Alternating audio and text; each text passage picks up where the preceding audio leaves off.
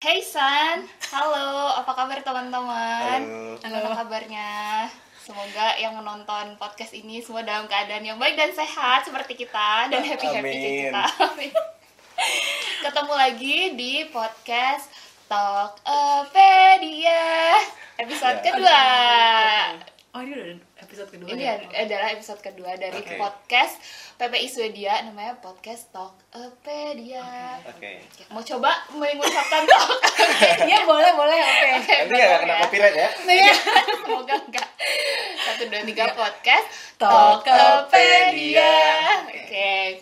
Jadi di episode kedua ini kita adalah special episode yang kita akan upload di YouTube-nya PPI Sedia. Uh, nanti sih bikin ya konfeti Iya. gitu. Jadi kalau regular podcast kita Hmm. ini eh, biasanya ada di Spotify, di Mhm. Spotify- Spotify-nya PPI Swedia. Hmm. Nah karena ini spesial episode dengan bintang tamu guest star yang spesial juga, gitu. waduh. Jadi kita rekam di YouTube. Hmm. Nah aku biasanya sama Anya, tapi karena Anya hari ini sedang berhalangan hadir, jadi hari ini aku sendiri. Tapi untuk podcast yang selanjutnya kita akan bareng sama Anya lagi. Nah hari ini aku punya teman cerita yang spesial juga. Mereka adalah pasangan suami istri yang sedang melanjutkan studi di Swedia. Nah, kita mau dengar cerita-ceritanya tentang pengalaman jadi student di Swedia dengan membawa keluarga. Langsung aja kita berkenalan dengan guest star kita. Silakan perkenalkan Perkenalan diri. Mulai dari saya dulu ya. Halo teman-teman, nama saya Bobby. Saya di sini kuliah S2 jurusan Ekonomi Kesehatan di Karolinska Institute. Nah, istriku namanya Saya Pri, Ya. sama saya juga eh, student di Karolinska juga eh, programnya Nutrition Science. Uh, program, program banyak ya. Semangat banget kayaknya. Teman bajunya kelas. banget ya. Bajunya- Oh iya. Oh iya benar kuning. tambah Oh, ini, iya, backgroundnya sudah juga ya. sesuai dengan backdropnya luar biasa Iya, sudah mempersiapkan nah eh, jadi kita mau tanya-tanya sama Mbak Sepri dan Mas Bobi tentang pengalamannya sebagai student di Swedia dan membawa keluarga. Ah, kan berarti ini udah tahun kedua ya? Iya Bobby. Untuk- Mas Bobi iya. gitu. Kalau nggak salah waktu itu tuh eh, studinya di Indonesia dulu jarak jauh gitu ya. Betul. terus habis itu baru ke Swedia. Nah boleh diceritakan pengalamannya pas eh, masih kuliah jarak jauh terus habis itu pas sudah ke sini awal-awal itu adaptasinya kayak gimana sih Singkat ya. Oh ya, berarti dulu waktu awal kuliah kan kita sekitar akhir Agustus atau awal September. Nah, waktu itu perbedaan waktu Swedia sama eh, Indonesia kan 6 jam. Nah, itu agak agak u- ya bermasalah lah. Iya. Karena kan kalau mulainya sih oke lah. Kalau jam 9 di sini berarti jam 3 sore di kita kan. Tapi kalau udah selesainya jam 4 berarti jam 10 malam di kita. Udah ngantuk. Iya benar. iya Iya. udah Jam-jam udah nggak konsen 7 lagi. jam 8 juga udah ngantuk. Apalagi habis makan kan kan malam. udah kenyang udah udah, kenyang. malam Dengar kuliah lagi ngantuk gitu. Ya. wah Terus Itu itu juga masalah ya ya. sama internet ya. Oh iya, Juga. juga internet. Karena Hmm. Juga kan dulu pakainya nggak nggak di aku kan dari Sumedang. Di rumah mertua kan. Hai sudah ngoseng. Mana tahu kan ada. Nah, dulu Sinyalnya tuh ini naik turun dia naik Iya. turun dan kita dulu nggak ada akses internet masuk ke rumah. Jadi pakai tethering. Nah, Oke. jadi kalau misalnya sinyalnya juga H+, ya udah. bye bye Bye bye dulu nanti login lagi. tapi sampai tapi sempat pernah ya karena takut gitu, karena mau ujian. Login pakai HP, terus pakai laptop, pakai HP Sepri lagi. Terus temanku, Bobby kamu ada tiga orang ya? Iya, joking joking ngerjainnya ini itu takut. Takut ada Takut kekik kekik gitu ya kan. kan. Jadi Hmm, tetap iya, ada benar. cadangan. Ah, rada. Ya itu sih paling masalahnya. masalah tek lebih ke teknis. Ya, berarti ujiannya juga lewat zoom gitu waktu itu Kalau kami sih ujiannya di Karolinska biasanya take home exam. oh, oke oke Ya kita kan Karolinska semua. Enggak kan sem- belum tentu Oh, semuanya yang dengar kan Caroline sekam Pak bagaimana sih ini? iya pak Iya. Eh jadi intinya kalau take home exam jadi ada spare waktu. Iya ada spare waktu Buat- Ah, buat kita ngerjain. terus kan kalau misal eh saya kuliahnya kan pasti lama terus di sana udah malam terus udah capek kayak gitu nah Iya. itu kan jadi tantangan sendiri gitu ya nah waktu itu apa yang dilakukan kayak biar tetap stay fokus kayak gitu gitu terus kan Apa? di rumah kan kayak distraksinya banyak gitu Oh, sih? iya. kayak maksud aku Ya, kuliah banyak. jarak dekat aja sekarang Iya, iya. di kampus gitu ya kalau pas misalnya lagi di apa namanya di apartemen gitu kan Oh distraksinya iya, juga iya, banyak iya, banyak. Ah, ah. Kalau di kuliah waktu di Indonesia dulu, untungnya di rumahnya mertua itu dulu ada kamar terpisah. Nah kamar terpisah dari yang lain. Nah jadi dihususkan itu satu untuk belajar belajar. Heeh. jadi ya cukup lumayan sih ada satu space khusus untuk belajar. Jadi di situ kalau anak-anak masuk pun kan ketok dulu atau iya. apa. Jadi dan mereka less likely me- ini Iya. sih karena itu juga di jam mereka juga sibuk gitu kan maksudnya anak-anak jadi nggak nggak terlalu ini nggak terlalu ya mengganggu lah distraksinya. Eh, masih internal distraction lah ya Iya, section sambil kuliah, bosan lihat-lihat YouTube gitu kan. gitu ya cari motivasi di Cari YouTube. motivasi ya ceritanya. terus itu kan berarti itu dari bulan apa sampai bulan nah apa ya itu dari Kita kan datang ke sini Desember, berarti sekitar 4 bulan ya. Dari September sampai Desember. Oh, berarti pas ke sini tuh udah masuk semester baru Udah masuk semester baru Januari. Januari Ya sempat libur uh, winter break dulu, Christmas gitu-gitu, baru masuk masuk semester baru Januari. tapi itu juga belum belum offline sih waktu itu seingat ke Bobby kan kamu juga udah nyampe sini tapi masih hybrid lah maksudnya beberapa Iya. kerja kelompok dia udah Iya, kalau mau kerja kelompok, kelompok udah tem- ketemu gitu terus udah hmm, Ya, tapi kalau secara lecture kayak gitu masih masih ada, yang, yang online, tapi ada juga yang udah uh, ini gitu. Karena waktu itu transisi menuju kayak mau normal. Tapi mayoritas online sih. Mayoritas- Mayoritas online. jadi berarti ad- ada tetap kerasa beda nggak pas udah ke sini walaupun tetap sama-sama online gitu? Iya, ada lah pasti. Feelingnya sampai di, udah sampai di negara studi kan langsung kayak wah ini akhirnya benar-benar belajar nih. belajar nih kayak gitu. Iya. Ya bukannya me- ini ya menihilkan belajar lewat online ya, tapi kan ada Sense ya, ya sense lah kita physically ada di negaranya, di, di kampusnya kita juga bisa lihat. Iya. Oh ternyata kampus saya tempat saya belajar tuh gini. Ya, kayak terus gitu, juga waktu ya, Ya, jadi waktu sama juga. gitu Jadi sama. kayak align waktunya gitu. Terus mungkin juga ketemu langsung sama teman-temannya sama gitu. teman-teman ya, Iya, itu sih yang paling seneng. orangnya Iya. langsung interaksi. Iya, betul. itu ngaruh sih ya. Seru seru seru. Ntar dulu. oh ya terus kan pas pas pas ke sini itu kan bawa keluarga. Terus sama Mbak Sepri sama anak-anak juga. Nah itu pertimbangan apa sih yang waktu itu eh, ap- apa aja yang waktu itu dipertimbangkan untuk bawa keluarga ke sini Hmm. Kamu mau jawab atau? kamu lah kepala keluarga Oh, yes. aku kan leher keluarga yang membuat melirik kiri ya. kamu ketua kepala bendahara ya Hmm, gimana Iya, pak iya, iya. Dulu pertimbangannya kenapa bawa keluarga tuh karena ini sih value keluarga kita sih. Jadi kalau misalnya satu keluarga kalau kalau bisa lah kita stick together lah. Apalagi ini waktu yang cukup lama ya. Kecuali kalau dinas keluar yang cuma satu dua hari ya nggak apa-apa lah kepisah sebentar gitu. Tapi kalau kepisahnya sampai satu dua tahun itu kayaknya ya kalau itu balik ke diri masing-masing juga sih dan keluarga masing-masing. Tapi kalau kami value value-nya adalah untuk stick together Iya. Nggak cuma suami istri tapi juga anak-anak juga dibawa kayak gitu sih. Itu lebih ke ini sih apa personal uh, Iya. perspektif aja ya. Maksudnya mm, tipenya emang yang dari dulu tuh bukan tipe yang kami berdua ya maksudnya nggak bisa LDR nggak bisa LDM Ah. gitu. Jadi uh, ya gitu akhirnya punya value punya kayak value-nya gitu. seperti itu. Tapi kan tiap keluarga beda-beda Beda-beda, ya. ya. ada yang apa namanya uh, yang nggak apa-apa gitu ya nggak apa-apa dan mungkin itu the best, the best untuk choice mereka ya kayak dan gitu jangan dicaklek juga iya ya. iya iya. Iya gitu. Ada yang value-nya stick together growing together Iya. ya Dan juga kalau kalau dari sisi aku, karena aku juga nggak ada pekerjaan yang mengikat yang harus aku di Indonesia, karena aku kan baru di Indonesia tuh full time di rumah sama freelance kan kerja di tempat yang lain tapi nggak mengikat harus terus kayak uh, 95 gitu kerjanya terus harus masuk kantor kayak gitu enggak. Jadi dan nggak kerja di rumah sakit lagi juga kan sebagai klinisi gitu. Jadi ya aku Lebih pikir juga aku ya lebih fleksibel untuk ikut dia ke sini gitu sih. Gitulah kira-kira. Dan satu lagi alasannya. Apa tuh? Yaitu bisa ada kesempatan Oh iya, untuk aku dependen sekolah. bisa sekolah secara gratis di Iya. Swedia. Ah, itu juga untuk mungkin Sama tips untuk ya. teman-teman. Eh, mungkin insight insight, insight ya. Insight. Dan salah satu benefit juga kali ya Iya, dengan benar. keluarga ke Swedia. keluarga. dapat fee exemption lah. Ya, jadi waktu kita daftar um, uh, permit untuk uh, student permit di Punyaku itu ada kalau misalnya dependent tertulis kok bahwa eligible untuk Nah, dapat pendidikan, pendidikan. di Ah, sini. iya. Nah, dan aku sama anak-anak kan anak kami dua ya.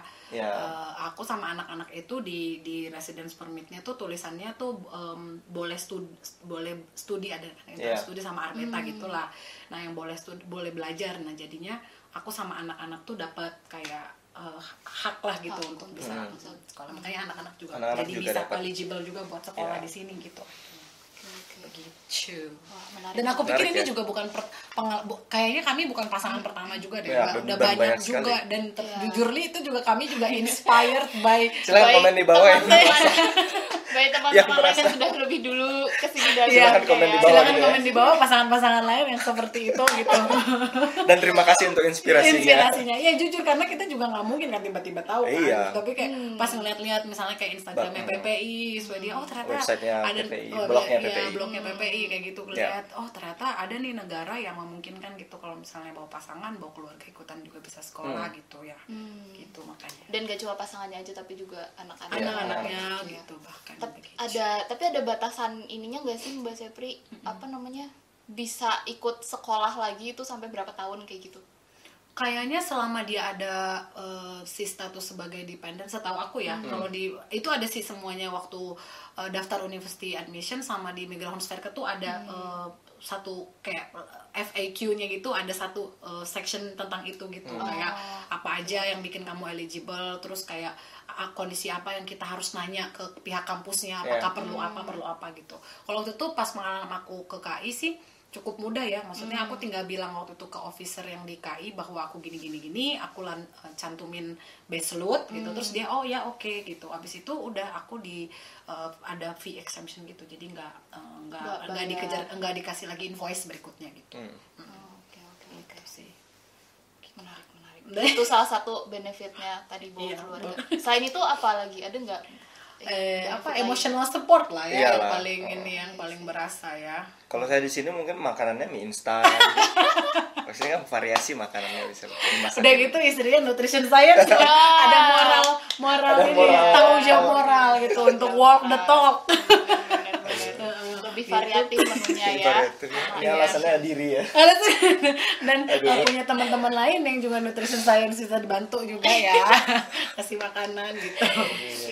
Tapi itu sih ya ya salah satu ininya sih ya em- emotional support, Emotional support. Hmm, karena ya gitulah tapi bener banget sih support system tuh kayak yaudah Heeh. kita kan kalau belajar tuh kayak kadang capek stres Iya, sendiri gitu iya nggak sih kan? tapi Iya. kalau apalagi di negara ada- lain kan gitu Maksudnya Iya. makanya Iya, kan tetap benar, ada. PPI PPI gini ya nggak sih jadi ada temen, Temen gibah dalam satu bahasa gitu ya Iya.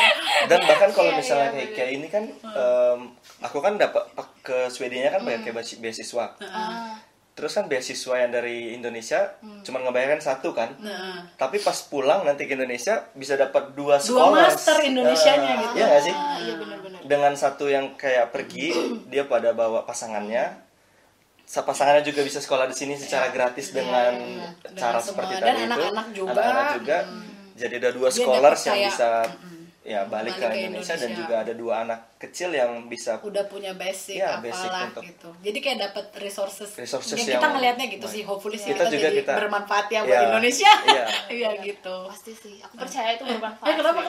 kenapa Enggak terus juga maksudnya kayak kan anak-anak ada anak-anak kecil Iya. juga Iya. gitu kan terus mereka dapat exposure dari Iya. sini ya paling enggak ketika mereka dewasa tuh kayak oh ya aku pernah Iya. mengalami Pernah. apa namanya Iya, hidup benar. di culture yang berbeda banyak Mm, gitu. Iya. ya itu juga Betul. memperkaya apa, Worldview. pengalaman iya world view dan pengalaman mereka dan hopefully itu shape mereka karakter mereka juga waktu nanti mereka beranjak ke mana pun dewasa ya, ya. Mm. Gitu. Oh, ya. persiapan Ah. membawa Oh, iya. keluarga ke Swedia apa aja yang disiapkan ini berarti yang teknis ya berarti ya teknis Hmm. Mulai dari selain persiapan mental dan fisik. Hmm. yang apa ya yang pertama-tama tuh dulu? Yang dulu itu pak yang paling penting sih catat waktu sih timeline semuanya. Oh, iya. karena betul-betul exact dan Hmm. kalau Iya. kelewat satu tuh kayaknya apalagi kok kita harus juga ngurus ke pihak beasiswa dan lain sebagainya itu kan Iya, jadi harus waktunya harus benar-benar di plan sih. Hmm. nah selain waktu yang kedua adalah biaya Nah, iya benar. Nah, nah itu pertanyaan Pertanyaan yang paling- Iya, mungkin ditunggu-tunggu sama yang nonton. Iya betul. Karena kalau biaya kan yang di cover cuman aku sekolah yang penerima beasiswa. Nah kalau itu bisa dapat ada garansi letter gitu Ya. dari pihak beasiswa kan, dan itu oke untuk bisa Legit daftar ya. seba- legit lah sebagai student.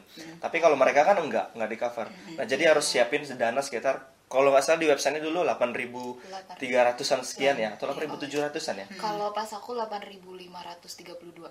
Oh, ya, oh, segitu. exact. 800 ya 8.532 untuk Sepri berarti untuk anak Ada dibagi yang- duanya kan. Bagi dibagi dua kalau nggak salah. Berarti ya sekitar 16 17 ribu per bulan. Oke. Dan itu harus bisa di cover selama satu Tiga- tahun. 13 bulan waktu itu Ya, 13 bulan ya. Ya berarti sekitar ti- 16 17 ribu kron dikali 13. harus ada di di tabungan, Tabungan. kan berarti Hmm. Mm-mm. ya ya intinya sih siapin itulah ya Iya. Mm-mm. terus apa lagi persiapannya ya paling yang ya kayak seperti kayak kalau mau ke sini sih kayak yang lainnya yang non yang nggak bawa keluarga juga maksud aku ke ke migra apa imigrasi Imigrasi.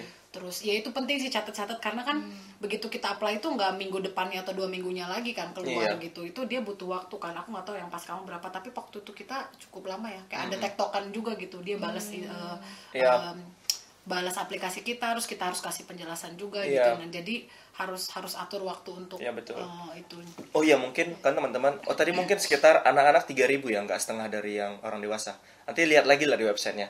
Waktu itu harus siapin berapa ratus juta gitu. Nah waktu itu ya kan kita nggak punya uang sebanyak itu ya, Iya. apalagi baru lulus apa. akhirnya jual-jual sesu- Iya, jual barang aset. lah dulu, jual-jual aset. Dan akhirnya terkumpul. Nah dulu masalahnya, oh ya nah waktu itu kita lamsamnya langsung besar ke dalam bank. Nah itu yang membuat tektokan. tektokan pertanyaan dipikir kayak sama si pertanyaan yang dari pihak orang uh, migrationnya itu Migrasinya, kok tiba-tiba ada uang besar yang besar, masuk iya. gitu. Hmm. nah tapi bagusnya dulu mertua saya itu yang bisa memasukkan uang itu dalam jumlah banyak karena kita nggak punya rekening jumlahnya banyak itu. Dia tulis di situ adalah biaya untuk studi. Nah untungnya ada em, ada itu apa sih istilahnya, istilahnya ya? kalau mau bank catatan ya apa sih kayak statement apa bank itu Iya, kalau misalnya kayak apa kalau itu? misalnya kita Reference dari bank. Iya, Iya, oh, yang, ya, yang, kayak yang gitu. bisa diketik Diketik gitu, gitu. manual sama Iya iya. orang yang banknya. masalah. Nah ini biaya untuk studi gitu. Nah jadi terus aku screenshot waktu uh, ada e-statement kan dari itu banknya. Aku screenshot ada kata-kata itu dalam bahasa Inggris artinya ini uh, fee for apa sih Ya, uh, education, education fee gitu gitu ya. Dan kemudian sama officer dari immigrationnya boleh akhirnya dan akhirnya itu baru bisa di uh, Di- accept. Oh, Heeh. iya. Jadi itu sih kalau misalnya mau lamsam yang gede, mungkin tulis uh, di invoice-nya mungkin untuk Ah, apa untuk itu apa. dana gitu. Jadi terus nanti waktu kita bikin penjelasan, kita tahu uh, Iya. mereka bisa tahu bahwa itu untuk studi kayak gitu. Bukan untuk bukan karena money laundry atau Iya, apa karena gitu. yang mereka takutin kan itu Iya. kayaknya ya kayak Mm-mm. Aku juga kayak gitu sih karena apa namanya aku kan perlu membuat apa reference juga kan karena maksudnya scholarship scholarshipnya dari tuition fee jadi yang living cost Oh, iya, harus living bikin cost. itu. Oh, iya, benar. Nah aku juga waktu itu takut kayak gitu karena dikira money laundry kan Iya, iya, terus iya. ya Sekali gede gitu kan. terus sekali gede Oh, langsung iya. gede banget gitu kan terus ya bikin apa namanya yang kayak surat- keterangannya surat gitu keterangan. iya itu kayaknya itu kecil ya trivia tapi Iya. ternyata ngaruh gitu Ternyata ngaruh. Eh, terus kalau aku sih waktu itu nggak langsung ditulis untuk studi tapi kayak harus bikin surat pengantar ke banknya nanti baru banknya mau bikinin itu Oh. ah gitu. ya itu juga bisa beberapa Ah, kali juga aku kalau ada dengar kayak gitu Bisa bisa juga. beberapa bank kayak gitu sih Mm-mm. gitu terus habis itu kalau untuk berkas-berkas di immigration Faircat untuk ngajuin apa visa permitnya sama Mm-mm. Sa- Untuk- sama untuk sih, keluarga. keluarga, Sama, keluarga sama, ya. Mm. sama, sama. Dalam satu aplikasi kok. Mm-mm. Jadi ada empat applicants kan, Eh, dua Jadi- suami su- suami istri sama dua anak. tiga dependen berarti kan? Nanti juga baselotnya juga keluar masing-masing Mm, masing-masing. orang gitu. Iya. kayak si eh, anakku dua dua ini satu dua keluar aku juga. Oh ya nanti kalau dan kalau mau ngambil base loadnya ke eh, embassy Oh, itu juga harus datang semuanya. Atau bawa satu orang dibuat Surat surat, kuasa. pernyataan, ya surat kuasa. karena kami balik lagi eh, jadi Iya. kami udah datang ke Itu embassy kesalahan sih. iya itu miss jadi kami balik udah datang ke embassy mau ngambil baselot tapi aku nggak nggak ikut terus nggak ada surat kuasa nah akhirnya Bobby ya Iya. balik lagi ulang lagi besoknya sekali Iya. lagi gitu nah kita dari tadi nyebut-nyebut baselut nih mungkin ada teman-teman yang nggak tahu oh itu apa baselot tuh apa sih decision le- letter ya Iya, Ah, decision kayak- letter. kayak surat surat yang menunjukkan Dokumen. uh, Ah. dokumen kita diterima, terus Diterima, kita uh-uh. Apa bisa masuk bisa Swedia kita Swedia. punya permen karena nanti itu yang ditunjukin kan Saya legal untuk iya, masuk saya negara legal ini. masuk negara Iya. ini minta tolong Kalau nggak ada kartu bisa biasanya bisa tunjukin kertas itu ya kan. iya Iya, iya. Biasanya kan ada kartu yang nggak bisa diambil di karena Di- waktunya mepet iya, mungkin nah, ya kan. exactly, iya, Bisa betul. Jadi uh, surat itu penting sekali. Hmm, terus kalau buat yang mau kuliah yang tadi dapat fee exemption Iya, base load-nya harus yang tunjukin itu juga. ah, ditunjukin. iya, Hmm. betul, betul. Ah. base load-nya yang harus di scan habis itu ditunjukin gitu. Terus kalau jadi si permitnya itu eh, ba- sama-sama, maksudnya ngajuinnya kan bareng Ah. gitu, tapi Keluar kan ada hasilnya. yang keluar hasilnya Oh. tuh beda-beda, ada yang dua bulan, ada yang sebulan gitu. Waktu tapi itu kita kalau. Kita bareng. bareng ya Bareng. empat ya heeh, Kita barengan semua. Heeh, most likely sih akan bareng ya kalau yang untuk kalau first kali. langsung ngajuinnya gitu ya. bareng. Jadi tipsnya adalah mengajukannya bersama-sama kalau keluarga. Eh, iya bersama-sama benar kalau bisa bersama-sama bersama-sama Dan Iya. dari jauh-jauh hari Oke. Oh ya ini, ini pertanyaan sangat penting sekali. Apa tuh? Tantangannya Oh. menjalani studi dua-duanya dan maksudnya sambil mengurus keluarga juga. Oh. Gitu. Gimana? Gimana? Bagaimana cara membagi pekerjaan, membagi waktu? Aduh, gimana Pak? kalau tantangan sih, ya ya udah. Kalau kalau jadi pertama kan Bobby dulu yang belajar di sini. Hmm. Kalau aku kan ada kayak kurang lebih enam bulan lah waktu untuk bisa adapt. Nah jadi Hmm. keuntung waktu itu sih kondisi kami keuntungannya enam bulan itu tuh aku bisa melihat ritme gitu loh ritme Ah. uh, kalau di sini tuh gimana oh kira-kira nganterin anak-anak sekolah tuh jam segini Bobby tuh kuliahnya kira-kira gini bla bla bla bla. terus toko-toko udah tahu kan yang mana Hmm. Ah, yang iya, murah iya, yang mana iya, yang iya. apa yang mana apa gitu jadi udah bisa meraba rasa nuansnya Hmm. gitu dalam enam bulan itu nah tapi pas pertama Agustus kemarin mulai kuliah ya tetap sih chaos juga. Awal-awal ya karena ya bener yang kata kamu tadi gitu Mar. Maksudnya dia kuliah udah gitu kamu di Solna kan. Hmm. jadi eh, berangkat pagi terus aku untungnya aku di sini sih tapi mesti siapin anak-anak gitu gitu kan. Jadi tantangannya lebih ke apa manajemen waktu manajemen diri sama manajemen keinginan gitu sih. Ah. kayak mungkin kita eh, malam-malam pengennya rebah-rebahan atau kayak nggak ngapa-ngapain tapi kan kayak inget aduh harus harus siapin masak buat besok harus apa harus apa. Jadi manajemen keinginan gitu maksudnya lu jangan banyak maunya lah gitu.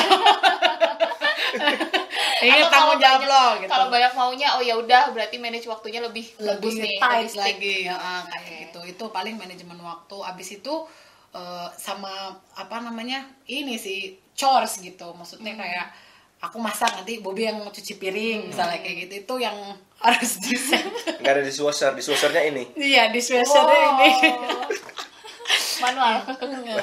ya dan juga karena kan mungkin ini juga dirasakan sama semua orang yang pergi ke luar negeri ya karena Iyalah. kita semua kan di sini tuh ngerjain semua sendiri kan Mar. kayak Iya. misalnya kita nggak bisa kayak nge-go food gitu dengan gampang ada sih di sini yang sejenis kayak gitu tapi kan mahal terus kayak nggak bisa beli-beli makanan di luar nggak gini jadi intinya semua sendiri jadi ya harus pinter-pinter berkomunikasi sih menurutku Hmm, di, di dalam keluarga dari kamu apa tantangannya Kalau dari aku mungkin kamu bisa ceritain kamu tuh juga sebenarnya di kampus tuh juga DA gitu. Jadi Oh, mungkin kayak tantangan kayak ada split Waktu, ya. eh, tapi nggak apa-apa. Nah, coba gimana? Sama juga sih tantangannya split wak- waktu dan juga tanggung jawab di rumah kan. Karena kalau keluar kita bawa keluarga ke tempat studi kita kan tanggung jawabnya ya selain kita studi pasti juga keluarga lah. Nggak mungkin juga kita fokus di keluarga terus tapi kita bel- nggak nggak belajar, nggak belajar. atau belajar terus tapi keluarga nggak diurus gitu ya kita bijak lah ada moderation lah di dalam Ya. ini ya derajatnya yang nggak harus satu ekstrim dan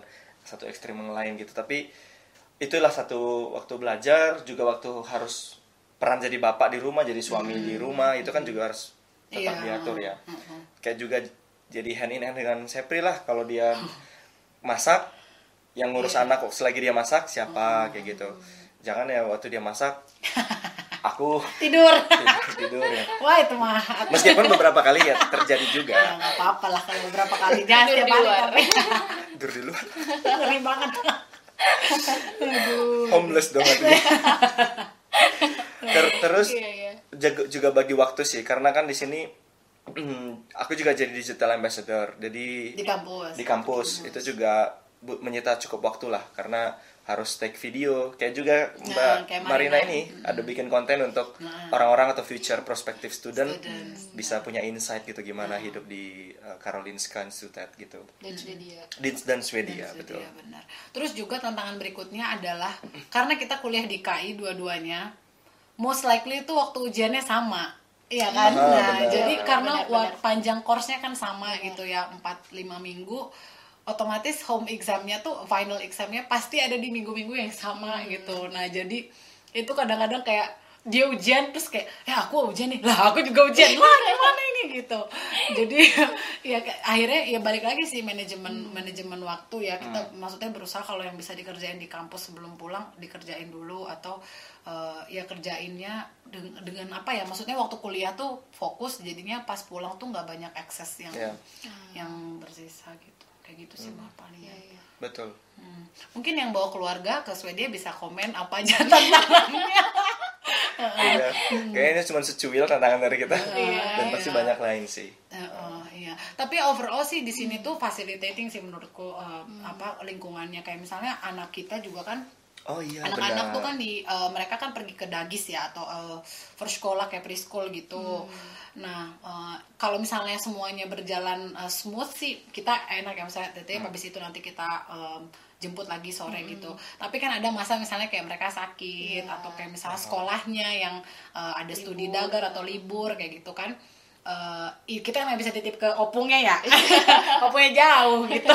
Nah jadi ya jadi di situlah maksudnya kayak gimana nih gimana nih terus kayak lihat jadwal. Nah un- untungnya sih kalau di sini tuh eh, jarang ada yang jadwal yang setiap hari gitu masuk Oh, iya. terus em, dari pagi sampai sore gitu kan. Jadi bisa ganti-gantian Iya. misalnya kayak aku yang hari ini di rumah, Bobby yang pergi atau sebaliknya atau ya bisa minta izin ke Dan itu spesialnya Itu Swedia Iya ya. sih itu udah Iya. banget boleh ini ya apa minta izin Minta untuk izin Iya, untuk- untuk ya. ada FOB namanya Iya, kan. Nah, untuk jadi mengurus keluarga. Mm-mm. Itu hebat banget sih. Terus juga teman-temannya juga semua kayak nggak tahu ya yang kelas kita sih kayak kalau misalnya aku bilang kayak aduh anakku ada sesuatu nih atau kalau apa semua oh ya ya nggak apa-apa nggak apa-apa gitu kayak take your time kerjain gitu dulu. Ah, itu dulu itu dulu Iya, jadi iya. kayak ya aku merasa ini encouraging dan supporting sih ya, jadinya. supporting Oh, banget sih sistemnya iya, di negara ini. gitu Oh, itu sih paling Iya. Dan menurut aku, eh aku nggak tahu sih ya. Tapi menurut aku waktu eh, waktu kerja atau waktu bela- bukan waktu belajar, waktu sekolah atau waktu kerja di sini tuh kayak ya udah dibatesin jam misalnya jam 9 pagi sampai jam 4 tuh pulang gitu, Iya. atau nggak jam Hmm. 5 gitu. Jadi Hmm. kayak ya udah di waktu-waktu itu tuh kamu maksimalkan Untuk untuk, kerja. untuk sekolah nanti habis itu memang waktu sama keluarga Iya, gitu kan. hmm. Dan Iya. nggak ada email ya habis itu ya. Iya. Nggak ada email. Kalaupun ada email mereka bilang kayak udah neglect aja kamu bisa Iya. balas besok Iya. pagi. Kayak pernah beberapa kali temenku kayak gitu kayak aku, sorry aku email malam-malam tapi kalau kamu mau balas ntar besok aja. Itu menurutku iya sih. Sopan lah ya. iya heeh, menghargai private time. Gitu sih paling mar dari kita tantangannya Terus apa lagi? ke Eh, ada tips-tips Nah. tambahan nggak untuk teman-teman yang akan studi ke Swedia bawa keluarga? tips tambahan kayaknya tadi along the way kita udah ngasih Ya, udah beberapa ada tipsnya beberapa ya tips. kalau tam- tambahannya mungkin apa ya ya bener-bener diskusiin kali ya sama Ya. pasangannya ya Eh, kayak kita mau eh, misalnya mau memutuskan pergi ke- dan ini ke Swedia ya berarti ya? Oh ya. Em, ma- aku tuh tadi mau ngomong kayak tergantung negara yang dituju gitu. Tapi kalau ke Swedia aku pikir sih sangat safe lah untuk bawa untuk bawa keluarga ya gitu. Terus ya gitu sih paling komunikasi sama pasangan. Terus juga hmm, consider semua tantangannya kalau Betul. misalnya pergi ke luar negeri. Termasuk juga tantangan kayak housing cari housing. Iya, cari housing. cari Nah, tempat tinggal iya tuh juga nggak nggak semudah itu kan kalau untuk yang berkeluarga gitu kita nggak bisa kayak kamu misalnya share room sama Iya. orang lain kan mesti yang yang kayak gitu-gitu jadi bener-bener plan carefully sih kalau menurutku Iya. kalau mau uh, Ada perhitungannya lah, Iya. kalkulasi. Tapi nggak berkalkulasi yang sampai Uh, menjelimet detail sih, iya. sampai ka- kayak kita nggak butuh kayak pertolongan pertolongan ilahi ya Ilahi gitu. iya iya benar maksudnya Iya. kita uh, plan Iya. sebisa yang Sebisa manusia sepa- kita, uh, uh-uh. sepikiran kita plan tapi ya udah yang ke, kayak kita plan ya serahin lagi gitu kalau emang udah takdirnya sekeluarga ke Swedia pasti Iya. selalu ada Terjadi, jalannya gitu Iya. Betul, betul. ya gitu sih nah, balik lagi kan Ih, aku jadi kepikiran Kenapa, tentang kenapa? tentang housing. Oh, iya, iya. Bener Ah, juga. ah. Jadi cari housing untuk keluarga tuh kan emang Iya, lebih, menantang lebih kan Iya, gitu. Maksudnya kalau kayak yang sendirian datang ke sini kan bisa di student accommodation Iya, gitu. Terus kalau misalnya Mas Bobi kan dua karena dua tahun jadi kalaupun misalnya di apa namanya student Di- accommodation waktunya kan cuma boleh satu tahun iya, kan iya. jadi yang tahun kedua tuh harus pindah Iya. kan Iya. itu tantangan lagi juga Iya, gitu. nah pas cari housing tuh gimana nah itu Oh, dulu juga itu itu juga kita ketar ketir ya in the kan midst berarti of COVID mal- time kan. Heeh.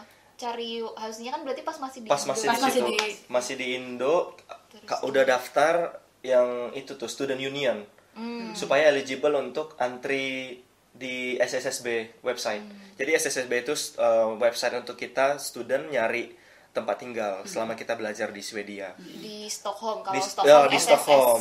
Ya, kalau SSSB. misalnya mungkin di Yoteberry di Skone Iya, beda itu lagi beda namanya Beda lagi nama. tapi platformnya mirip Tapi mir- platformnya mirip ya. Tetap ada antrian gitu kan Hmm. dan harus terdaftar di student union gitu. Hmm. Dan waktu itu na- cukup la- lama juga lah nabung credit days-nya. Hmm. Jadi kan sehari pertama kita nabung, hari pertama kita dapat poin antrian. masa hari pertama kita buka uh, Iya, student buka union, student nah. union. Nah, dan itu eh, ditabung-tabung terus sampai kita bisa mengalahkan poin orang lain yang juga Ah, ngantri mencari untuk rumah iya itu. untuk yang tempat yang sama kayak gitu. Misalnya kayak poinku 200, tapi yang sedang antri di situ 300, otomatis aku nggak akan dapat. Tiga, berarti yang 300 itu yang hampir satu tahun itu yang bisa dapat rumah di yang tempat yang juga kita mau. Nah juga jadi dulu tuh dari Indonesia kita udah udah nabung udah, udah, Ya, udah nabung. nabung. itu nah masalahnya dulu itu aku tuh kan admittednya tuh di Eh, second iya. round Hmm. second round which mean bukan bulan April ya ah tapi dekat-dekat bulan Agustus. Ya akhir Nah, Juni Jul- Juni ya? Juni. Ya Juni menuju Juli. Hmm. jadi nabungnya itu aku nggak bisa Dari aku. lama gitu. Nah kalau bisa nabungnya dari waktu kita udah keterima Iya. kita langsung daftar student union kita langsung buka akun di SSSB kan lebih banyak Lebih poinnya banyak kan. days-nya. Nah kalau aku dulu nggak nggak dapet kayak gitu karena admittednya belakangan, akhirnya nggak gi- gitu banyak poin. Nah tapi dulu di masa-masa covid mungkin nggak banyak orang datang ke Swedia. Swedia. Jadi poin-poin untuk bersaingnya itu sekitar 200-300 dan waktu itu kita lumayan 260-an udah dapat.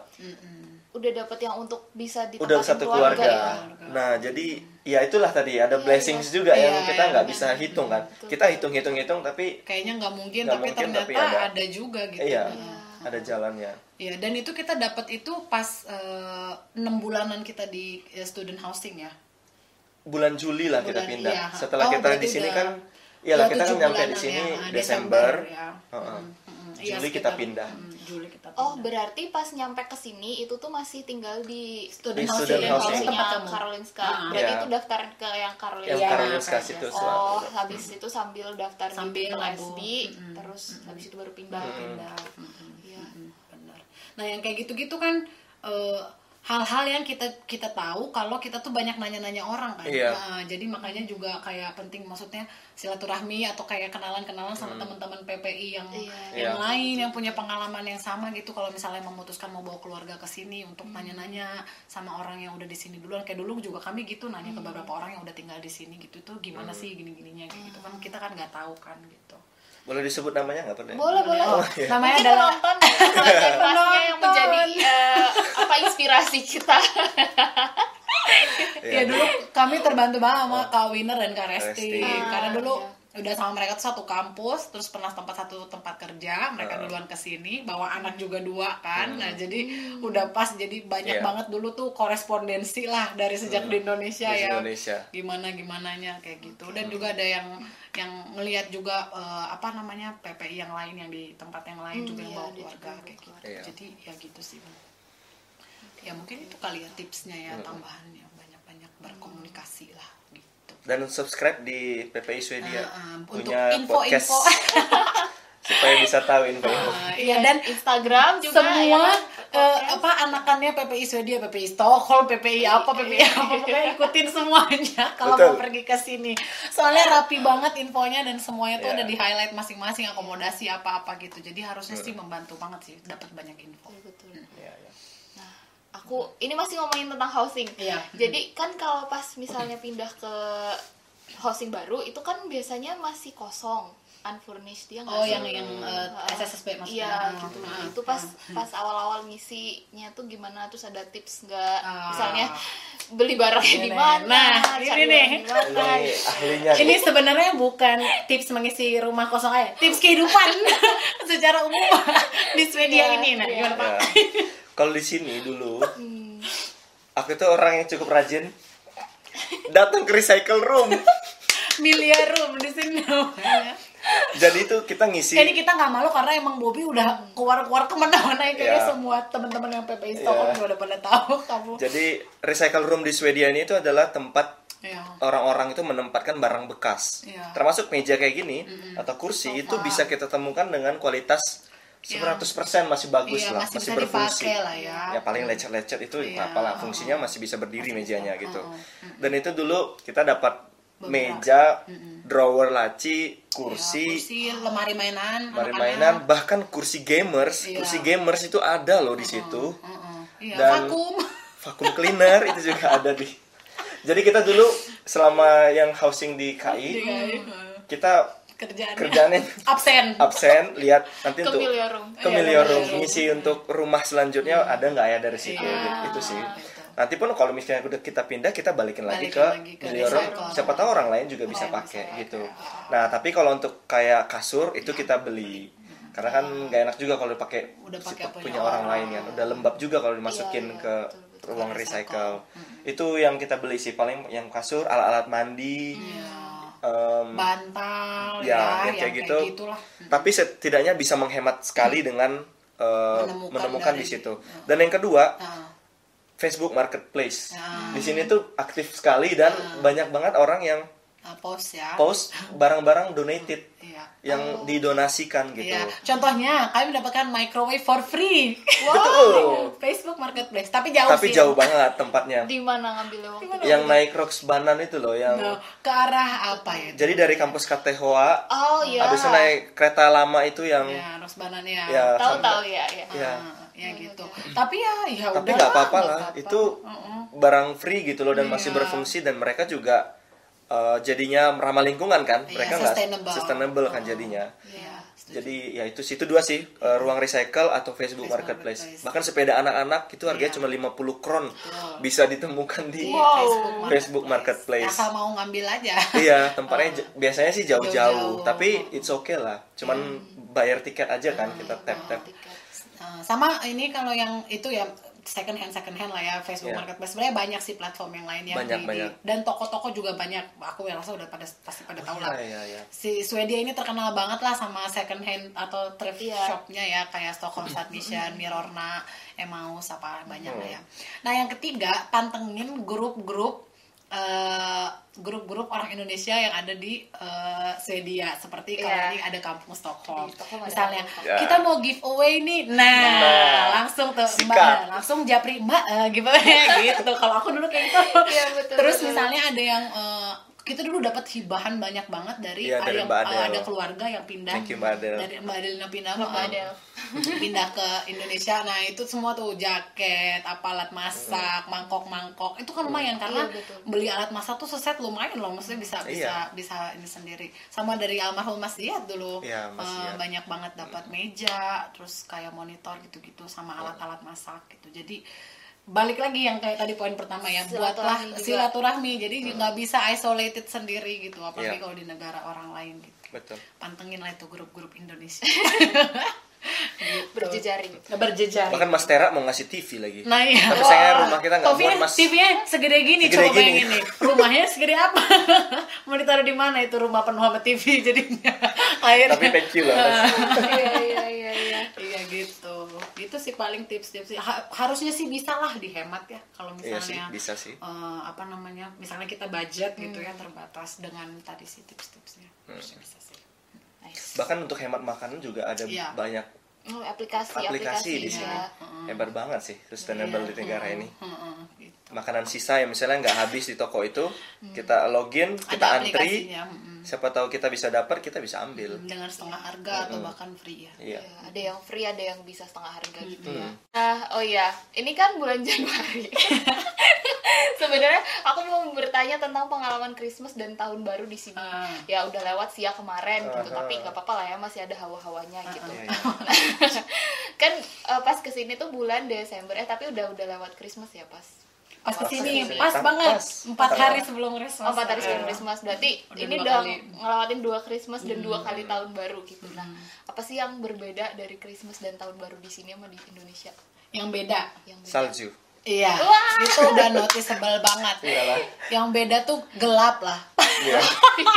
gelap dingin dan salju gitu itu bener-bener be- beda banget sih beda banget Iya. apa experience sama eh, waktu di Indonesia, Indonesia. ya. Kalau Indonesia kan kita Natal kumpul keluarga, Iya. ya kan, dekat tahun baru juga iya kumpul keluarga. mm, dan mm, Dan kalau di sini kan kita cuma berempat, tempat ya, ya paling kumpul sama teman-teman sama teman-teman lah paling. eh, eh, teman-teman Indonesia lain yang Lain, juga ya. ngerayain Iya. Natal kan Mhm. itu sih paling bedanya terus ya tradisi-tradisinya juga beda sih Eh, Ya.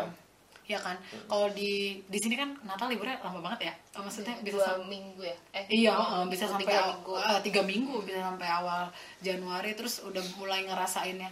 Kalau waktu pas pertama datang sih nggak nggak tahu ya awal mulai jadi kayak tiba-tiba kan udah ada salju, ada lampu, ada apa-apa gitu. Hmm. Nah tapi pas udah ngelewatinnya kelihatan gitu peralihannya yang pas awal Desember udah mulai kayak lampu-lampu Iya. di mana-mana Iya. dekorasi gitu kayak berasa apa namanya eh, Natalnya tuh udah kayak banyak lah gitu ininya apa sign and Hmm. ininya itu sih paling sama makanan eh, Ya, makanan Yulbord ya. Kita Iya. diundang ke rumahnya Kak Winner dulu Iya, atau waktu awal-awal. Itu ngerasain beberapa makanan Makanan Swedia lah. Ya. apa tuh apa aja tuh? Ya kayak misalnya kayak bakso campur selai strawberry. Oh, iya. Itu kan iya, lima- unik eh, banget ya. Lingon, lingon Lingonberry, berry. iya. Heeh, terus apa lagi yang kemarin Eh, ada kuingka apa mm, Yang ham ya. eh, terus salmon terus pickle salad kayak gitu ya Terus, unik-unik lah makanannya. kalau di sekolahnya anak-anak mereka punya Yule board sendiri. Apa Yule board tuh anyway Christmas board ya. Jadi Yule itu kan Oh, Christmas iya, board iya, tuh iya. meja gitu. Jadi Meja, meja, meja Natal, Natal, ya. basically kayak prasmanan sih kalau di Indonesia ya ya nggak sih? Cuman isinya makanannya orang Swedia Hmm. gitu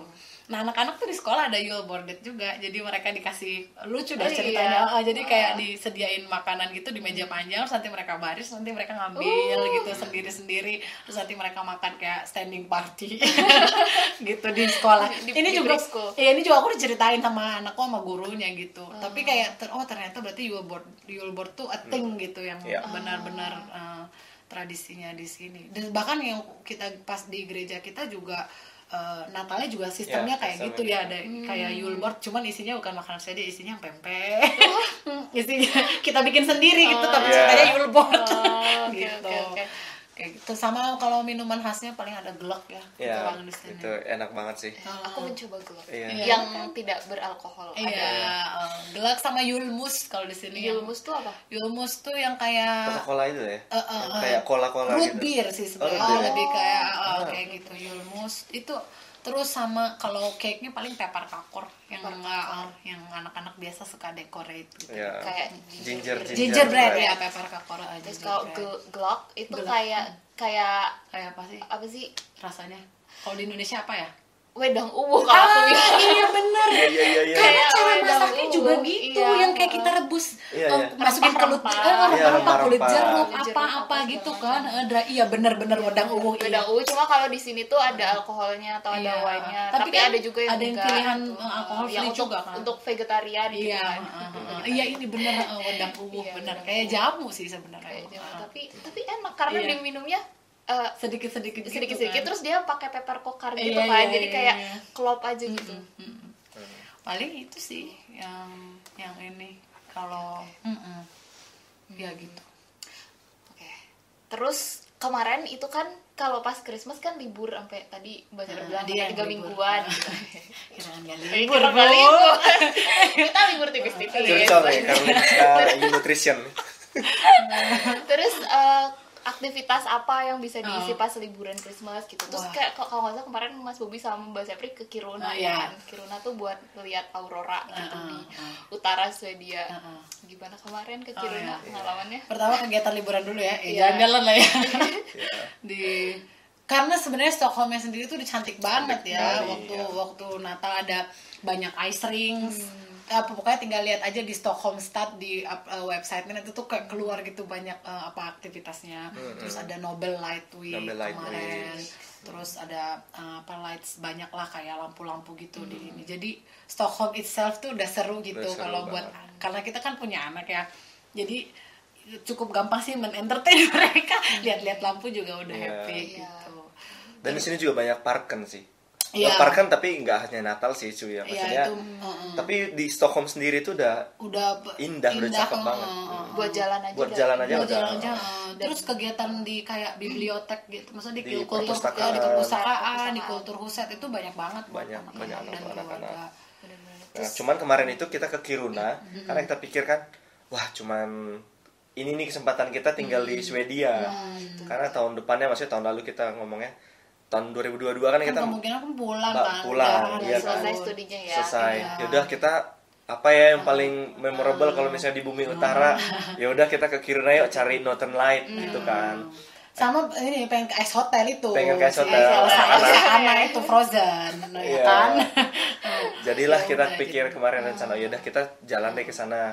Mudah-mudahan dapat. Tapi biasanya juga banyak juga sih yang nggak nggak bisa dapat ya. si aurora si itu. auroranya itu. Jadi ya untung-untungan lah kemarin. Nggak bisa juga kita forecast kan maksudnya Iya.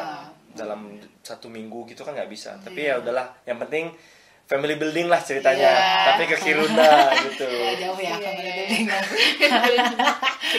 Ya naik kereta kan 15 jam bisa sama anak kan apa ngobrol apa gitu. Kan bisa. Tapi overall itu seru sih. Seru lah. Oh, oh, oh. dan aku pikir itu juga pasti bucket listnya banyak orang yang datang Iya. ke Swedia ya buat pergi. Ya gitu bucket listku Iya. juga nah makanya nih pengen ke sana juga baru sebelum nanti pulang. nih, bulan depan ya. Kok masih corona bu oh Nanti. iya bener juga ya nah terus kalau eh, pas di sana ke tempat-tempat apa aja pasti yang di Kiruna Eh, eh, pas di Kiruna Eh, ke ya itulah yang Kiruna Sentro ya pasti ya terus ke ada apa di sana ada deket Kiruna Church gitu Kiruna Ah. Church kan Ya. soalnya dia ter, lo- Ya, ter- terkenal lumayan ya. terkenal. Hmm, terkenal. Terus Kiruna itu kan menariknya ada kan mereka bilang mereka mau mindahin kotanya kan nanti. Karena itu kan mau jadi mining gitu dia mau Ah. pertambangan. Nanti kota-kota itu mau dipindahin ke suatu tempat. Jadi kayak itu seru aja sih ngelihat termasuk si gereja mau dipindahin. Habis itu ice berarti hotel aku harus ke sana sebelum dipindahin. Enggak enggak mau dipindahinnya masih lama. Iya, dalam 25 tahun kok. Oke. Nah habis itu apalagi ice hotel sih yang yang terkenal Iya, itulah. Bener-bener ternyata semua itu dari Terbuat dari es, es, ya. Hmm, dan itu a whole experience buat Wow. anak-anak sih. Mereka merasa kayak Elsa anak lah udah di situ. Habis itu ke yang itu open air museumnya suku Sami itu. Suku Sami. Hmm, ngasih makan reindeer itu. Itu apa lagi ya? Ya itu kamu paling ke ke Abisko Abisko Mm. di Abisko apa aktivitas? Itu. Yang cari, Cari uh, aurora. aurora. Mm. itu ada kayak paket apa sih tour foto gitu nggak sih Mas? Iya, iya, cuman betul. bisa sendiri gitu juga ya kalau ke Abiskonya less likely bisa sendiri ya Uh, kayaknya. kayak harus bareng-bareng sama bareng-bareng, orang oke. deh. Dan kalau waktu itu di tempat kami itu harus minimal ada empat orang ya. Empat orang ya Empat orang baru bisa jalan. Bisa jalan soalnya itu jauh terus ke utara banget lebih ke utara lagi kan Satu setengah jam jalan lah dari Kirunanya Kirunanya. Oh, oke gitu gitu sih palingan kalau eh, sebenarnya cukup challenging kalau bawa anak-anak ya. Iya anak-anak kecil kayak kita anak-anak kita kan nomor 5 sama 4 gitu. Tapi kalau udah persiapan kayak kita tahu kan misalnya kalau cuaca dingin tuh layers yang penting kayak gitu-gitu. Kalau tahu basic prinsip eh, pakai baju selama winter sih harusnya survive lah.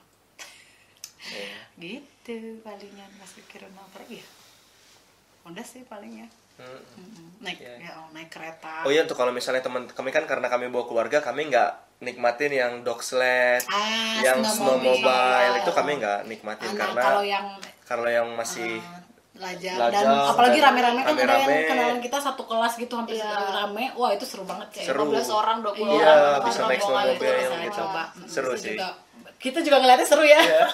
cuman kayak- karena nggak bisa karena batasnya 6 tahun ya anak Iya. Gitu sih palingan. Adventurous lah itu bukan tipe liburan yang kita bisa duduk-duduk diam menikmati gitu bukan sih. Tapi kayak kita ke mana-kemana Melakukan gitu. melakukan Iya, iya. sesuatu. Cocok lah Marina. Oh. ya, ya merencanakan ini. Tiba-tiba ke sana gitu kan. Seru banget nggak kerasa nih kita udah berapa lama ya hampir satu jam kayaknya ngobrol seru Hmm. banget karena obrolannya seru topiknya juga seru gitu dan gestarnya spesial ceritanya banyak jadi nggak kerasa waktunya tapi kita harus mengakhiri podcast ini sampai di sini Thank terima you, kasih Marina. Terima kasih, Mas Marina. Bobby dan Ya. Mbak Sepri Sama-sama. untuk cerita ceritanya mau meluangkan waktunya buat kita eh, di Terima podcast kasih juga. PPI Swedia Ya. Eh, tunggu podcast PPI Swedia selanjutnya di episode selanjutnya bersama aku dan Anya. Eh, stay tune di podcast PPI Swedia. Nama podcastnya adalah podcast Tokopedia. Oke. Oke, dadah. Dah.